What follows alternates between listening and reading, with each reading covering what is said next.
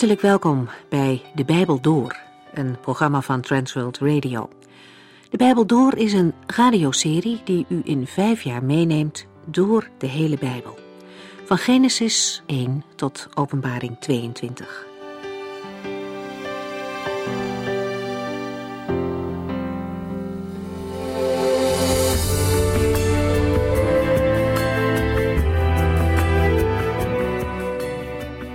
We zijn bezig met de eerste brief die Paulus aan de gemeente in Korinthe schreef. En in hoofdstuk 5 heeft Paulus hen verteld dat ze zonde niet zomaar kunnen toelaten. Er was sprake van grove ontucht in de gemeente, zonder dat iemand er wat aan deed. De havenstad Korinthe stond bekend om haar losbandigheid, maar helaas de gelovigen ook. Ze deden er zelfs nog een schepje bovenop. De ontucht, zoals zij die bedreven, kwam onder de gelovigen zelfs niet voor.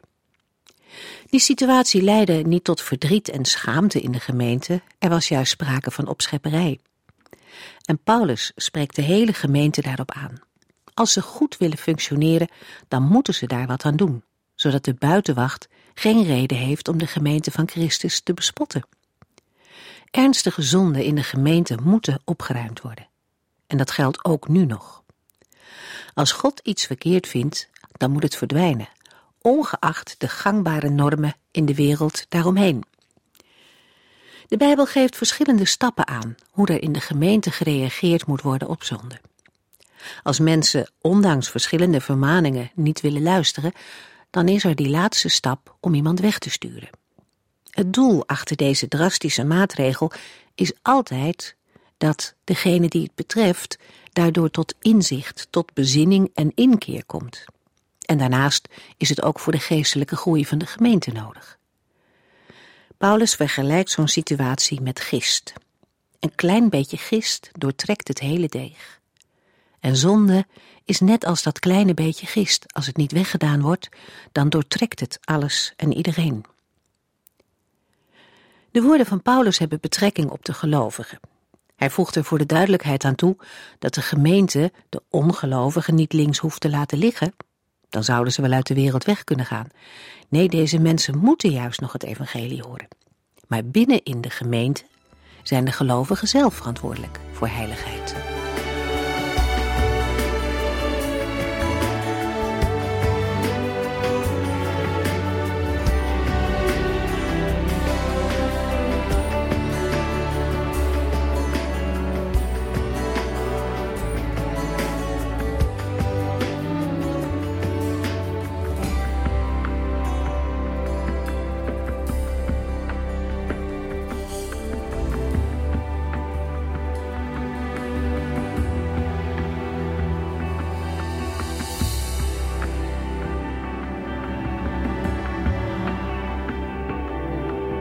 1 Corinthians 5 is uitgebreid gesproken over het oordelen over broeders en zusters.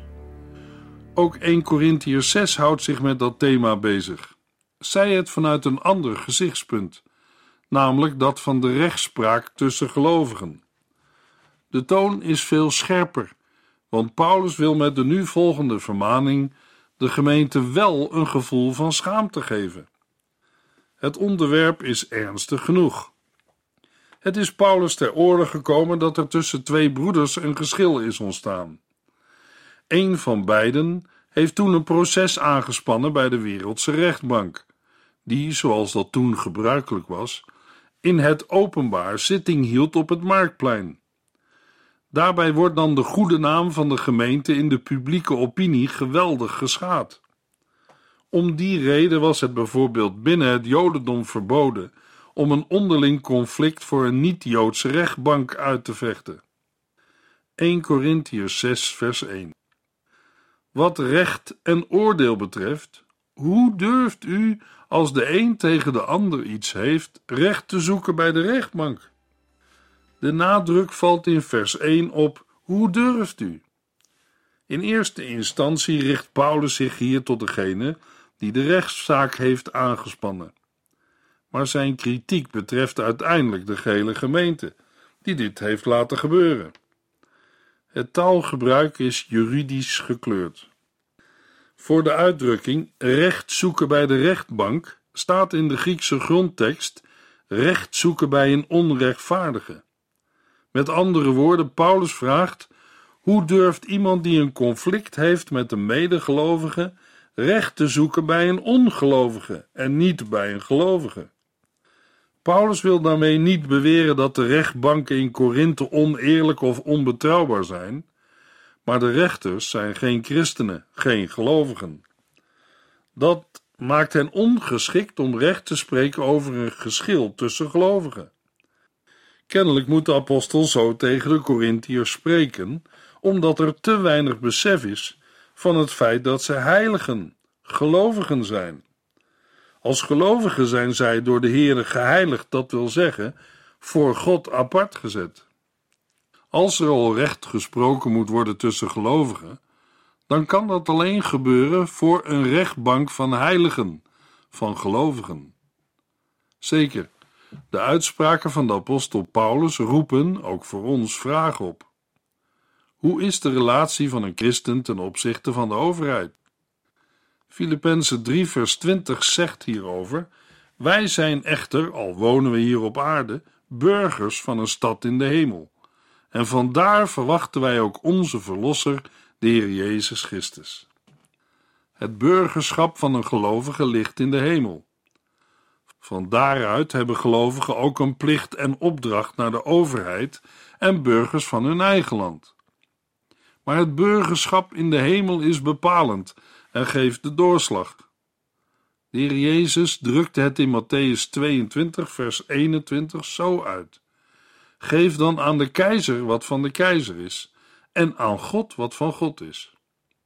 In Matthäus 22 waren de aanhangers van Herodes naar Jezus toegekomen met een vraag over het betalen van belasting. Een christen heeft ook een verantwoordelijkheid voor zijn eigen land en overheid. Wat zijn dat precies voor verantwoordelijkheden? De apostel Paulus definieert een aantal verantwoordelijkheden in 1 Timotheus 2, vers 1 tot en met 4. Wat ik van je vraag komt hierop neer. Bid voor alle mensen, smeek en dank God voor hen. Bid zo ook voor koningen en alle anderen die een hoge positie hebben, opdat wij in rust en vrede mogen leven en de Heere vrij in alles kunnen dienen. Dat is goed en aangenaam voor God, onze redder, want Hij wil dat alle mensen gered worden. De verantwoordelijkheid om te bidden dat wij in rust en vrede mogen leven en de Heere vrij kunnen dienen is belangrijk. In ieder geval omdat we daarmee de gelegenheid krijgen om het evangelie door te geven. In Romeinen 13 vers 1 tot en met 4 schrijft Paulus een aantal dingen over de overheid. Iedereen moet zich aan het gezag onderwerpen, want er is geen autoriteit die niet door God is ingesteld. Alle gezag komt van God. Als iemand zich tegen het gezag verzet, verzet hij zich eigenlijk tegen God. En het is dan ook zijn eigen schuld als hij gestraft wordt.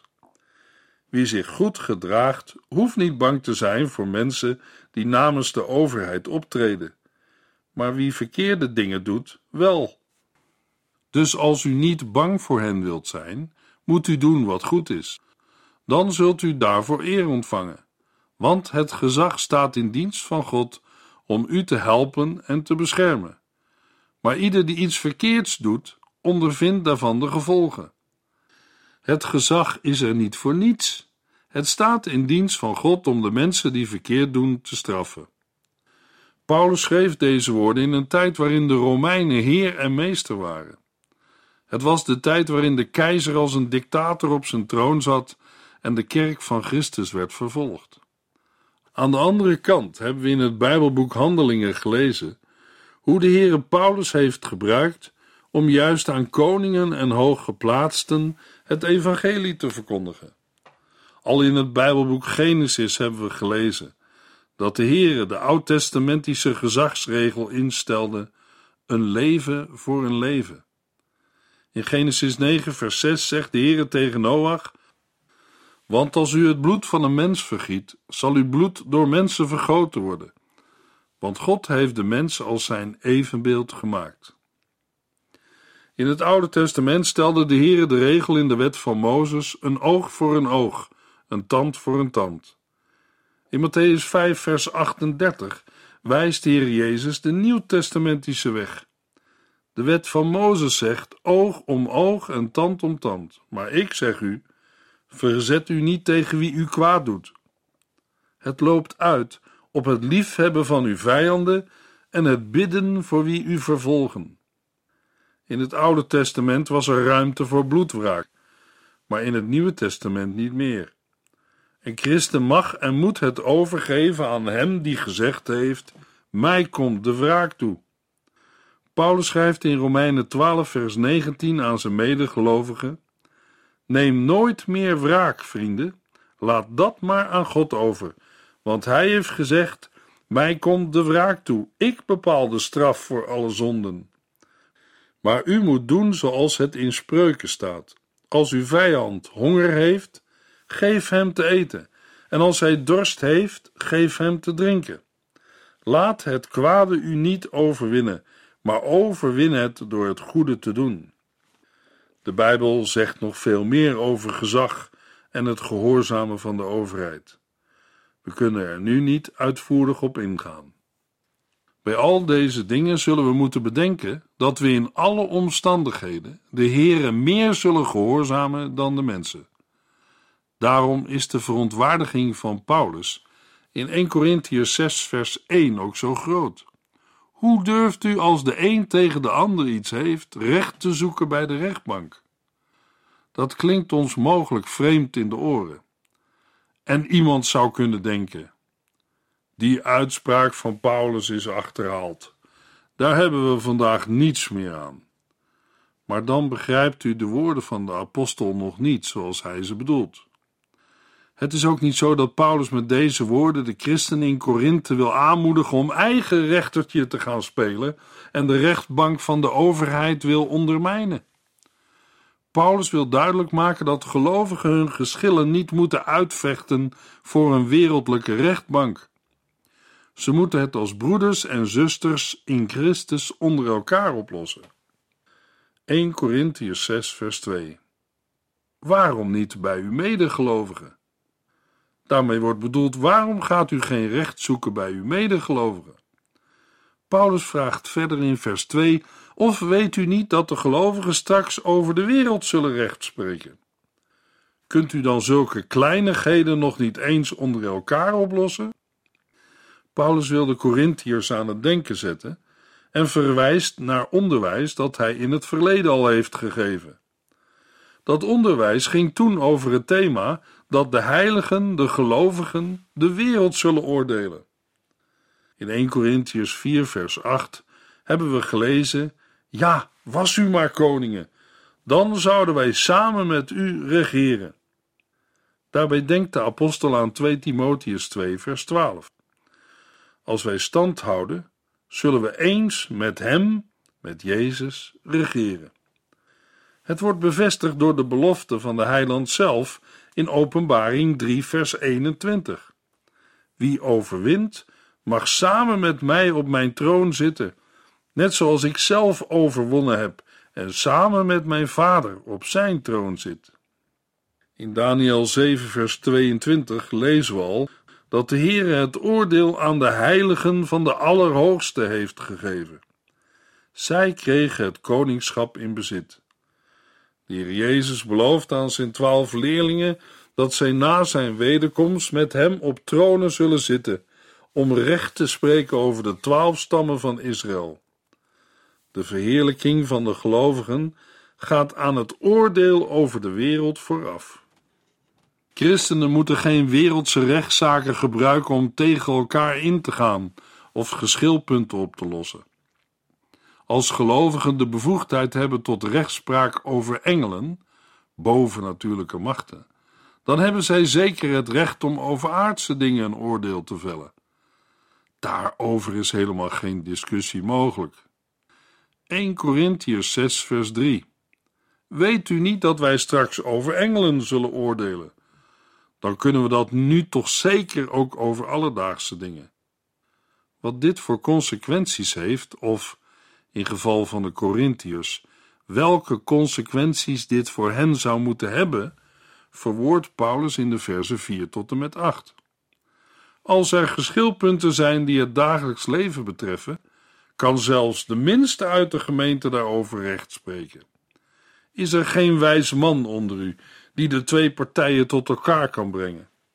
Blijkbaar niet, want de ene gelovige brengt de andere voor de rechtbank, voor ongelovige rechters nog wel. Het is toch onwaardig dat u als gelovigen rechtsgeschillen hebt. Waarom bent u niet bereid onrecht te verdragen? Waarom laat u zich niet liever benadelen? Maar nee, u doet zelf onrecht, u berokkent schade en nog wel aan medechristenen. Op enigszins verwijtende toon vraagt Paulus hoe het mogelijk is dat gelovigen een ongelovige als rechter in de arm nemen. Gezien de hoge autoriteit die de gelovigen zelf als rechters over de wereld en zelfs de engelen zullen hebben, is het onbegrijpelijk dat ze een beslissende uitspraak overlaten aan iemand die bij hen vergeleken nauwelijks enige bevoegdheid heeft. De wereldse rechter heeft alleen bevoegdheid over tijdelijke en aardse zaken. Paulus bedoelt niet te zeggen dat hij wereldse rechters of wereldse rechtbanken veracht. Absoluut niet. Maar voor het beslissen over zaken die zich binnen de gemeente afspelen, hebben zij geen bevoegdheid of autoriteit. Binnen de Joodse synagogen werden zaken die het dagelijks leven aangaan, civielrechtelijke zaken, altijd door één of meerdere voor beide partijen aanvaardbare bemiddelaars uit de eigen gemeenschap beslecht. Het gebrek aan ook maar één wijze man in de gemeente wordt duidelijk bewezen door het feit dat het zover heeft kunnen komen. Het is al erg genoeg dat de ene broeder tegenover een ander meent recht te moeten gaan zoeken bij een wereldse rechtbank. Als er een wijs man was geweest in Korinthe, dan had hij dat kunnen voorkomen. In een openbare wereldse rechtszaak zou de vuile was van de gemeente buiten hangen en de naam van de Heere worden geschaad. Of de aanklager nu wint of verliest, of hij zijn bezit terugkrijgt of niet. In ieder geval is er sprake van een groot verlies, omdat bij de hele gang van zaken de principes van het koninkrijk van God in het openbaar zijn verlogend. De principes die zijn verlogend worden genoemd in twee retorische vragen. Waarom bent u niet bereid onrecht te verdragen? En waarom laat u zich niet liever benadelen? Het woordgebruik van de apostel suggereert dat het geschil inderdaad gaat om geld of bezit. Het principe om aangedaan onrecht niet te vergelden of zijn recht op te eisen, zo nodig met de dwang en het geweld van de rechterlijke macht, vinden we in de eerste plaats geïllustreerd in het leven van de Heer Jezus. Daarnaast ook in zijn onderwijs en dat van de apostelen. Wat het allemaal extra erg maakt, is dat alles gebeurt binnen de gemeenschap van broeders en zusters, waar de liefde zou moeten heersen. Wat voor voorbeeld heeft de wereld dan aan de gelovigen? De gelovigen zijn samen kinderen van God de Vader door het geloof in Jezus Christus. Samen zullen zij deel hebben aan die ene erfenis. Dan is het onbestaanbaar dat gelovigen nu zo met elkaar omgaan. 1 Corinthiërs 6, vers 9 en 10. Weet u niet dat onrechtvaardige mensen geen deel zullen hebben aan het koninkrijk van God? Verlaat Gods weg niet. Mensen die vrije seks voorstaan, afgoden dienen, overspel plegen of zich met homoseksuele en pedofiele praktijken inlaten, blijven buiten het koninkrijk van God. Dat geldt ook voor dieven, gierigaards, dronkaards, roddelaars en oplichters. Het feit dat er zonden in de gemeente voortwoekeren, dringt Paulus tot een ernstige waarschuwing. Niet alleen aan het adres van de boosdoeners uit de vorige versen. Het begin van vers 9 omvat een algemene waarheid. Weet u niet dat onrechtvaardige mensen geen deel zullen hebben aan het koninkrijk van God. Paulus' uitspraak is wel een algemene waarheid, maar vooral een zeer ernstige waarschuwing aan het adres van de gemeente. Als deze ongerechtigheden blijven voortwoekeren, zal het leiden tot de eeuwige dood. Daarom volgt er direct achteraan: verlaat Gods weg niet. De Corinthiërs hebben de zaken veel te licht opgenomen en gedacht dat allerlei onrecht er bij de Here wel mee door kan. De zonden die Paulus verder noemt, zijn typerend voor een stad als Korinthe. Ze oefenen zuigkracht uit op de gemeente. Het gaat vooral om het bijwonen van heidense, godsdienstige feesten en riten. Aan het slot van vers 10 volgen nog een aantal zondaars die zeker ook kenmerkend zijn voor een havenstad als Korinthe. Met de woorden dieven, gierigaards, dronkaards, roddelaars en oplichters komt Paulus dicht in de buurt van de mensen die hij in vers 8 ook al heeft gewaarschuwd. Dergelijke zondaars zullen het koninkrijk van God niet beërven. 1 Corinthiërs 6 vers 11 Sommigen van u zijn vroeger ook zo geweest. U bent nu schoongewassen en voor God afgezonderd. U bent onschuldig verklaard in de naam van de Heer Jezus Christus en door de geest van God. Paulus noemt u drie aspecten die aangeven dat het leven onder de macht van de zonde nu voorbij is. De drie gebruikte werkwoorden verwijzen alle drie naar één bepaalde gebeurtenis in het verleden, namelijk het moment dat de Corinthiërs tot geloof kwamen, zich lieten dopen en vervuld werden met de Heilige Geest. Die vernieuwing heeft zich voltrokken in de naam van de Heer Jezus Christus en door de geest van onze God. Het eerste aspect dat Paulus noemt is: U bent schoongewassen. En op grond waarvan? Titus 3, vers 5. Niet omdat wij het hadden verdiend, maar omdat Hij met ontferming over ons bewogen was en medelijden met ons had. Hij heeft onze zonden afgewassen, ons nieuw leven gegeven en ons vernield door de Heilige Geest, die Hij rijkelijk over ons heeft uitgegoten. Het tweede aspect dat Paulus noemt is: U bent voor God afgezonderd. De Heere heeft u voor zijn dienst geheiligd en apart gezet. Met Paulus in Gelaten 2 vers 20 kan een gelovige zeggen: Ik ben samen met Christus aan het kruis gestorven. Daarom leef ik zelf niet meer, maar Christus leeft in mij. Dat geldt voor alle gelovigen. Als een andere christen dan bij een geschil bemiddelt, dan heb ik daar een groot vertrouwen in.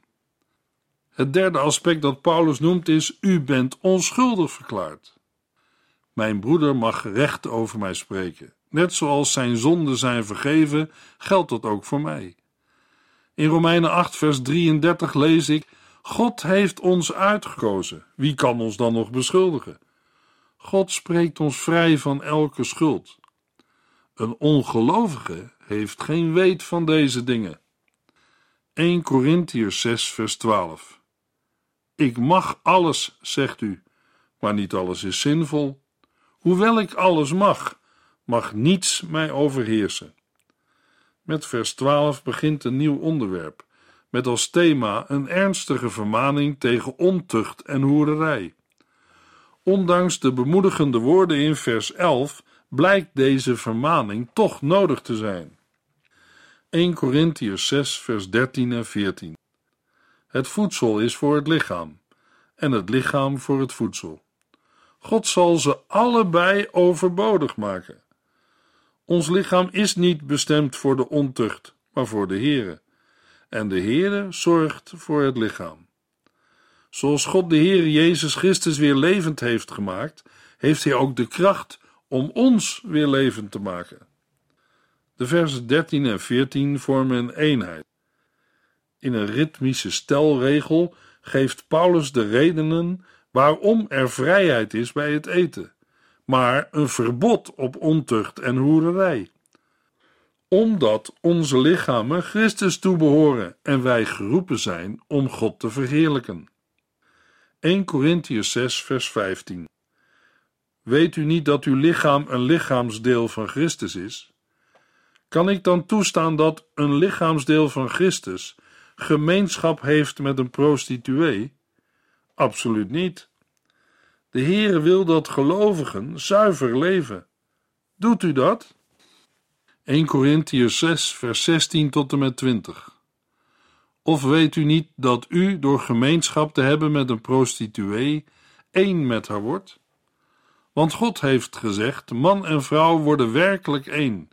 Maar als u gemeenschap met de Heer hebt, bent u één van geest met Hem.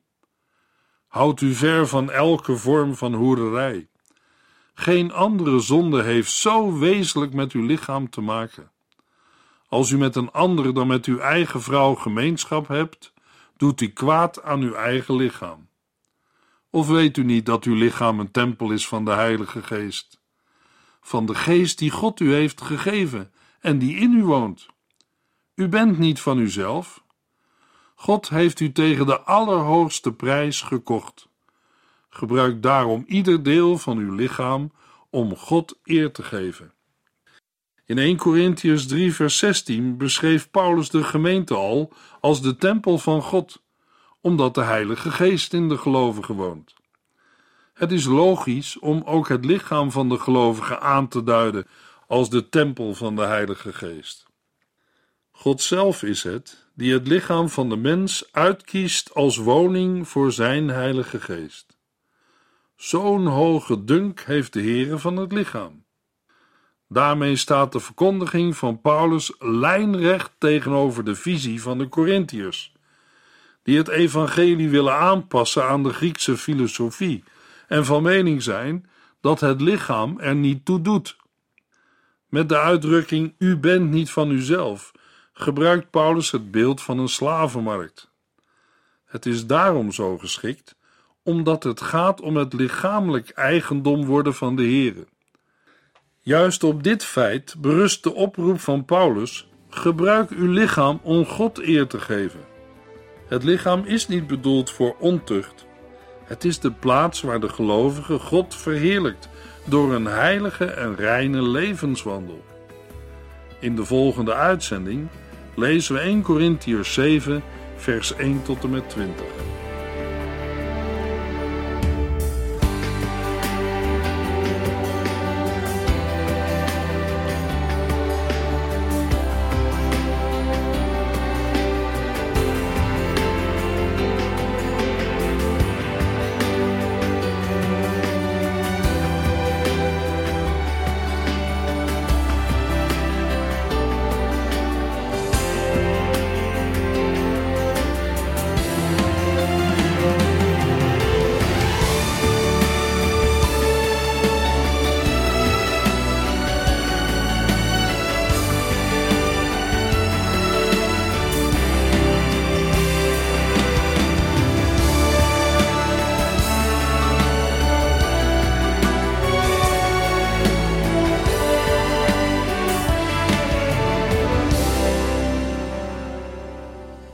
Geluisterd naar De Bijbel Door.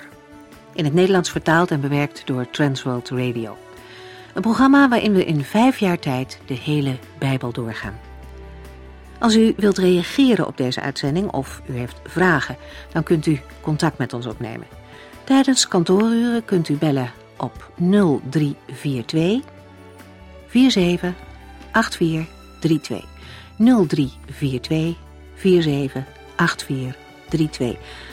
Ook kunt u een e-mail sturen naar de Bijbel door transworldradio.nl en natuurlijk kunt u ook via de post ons bereiken.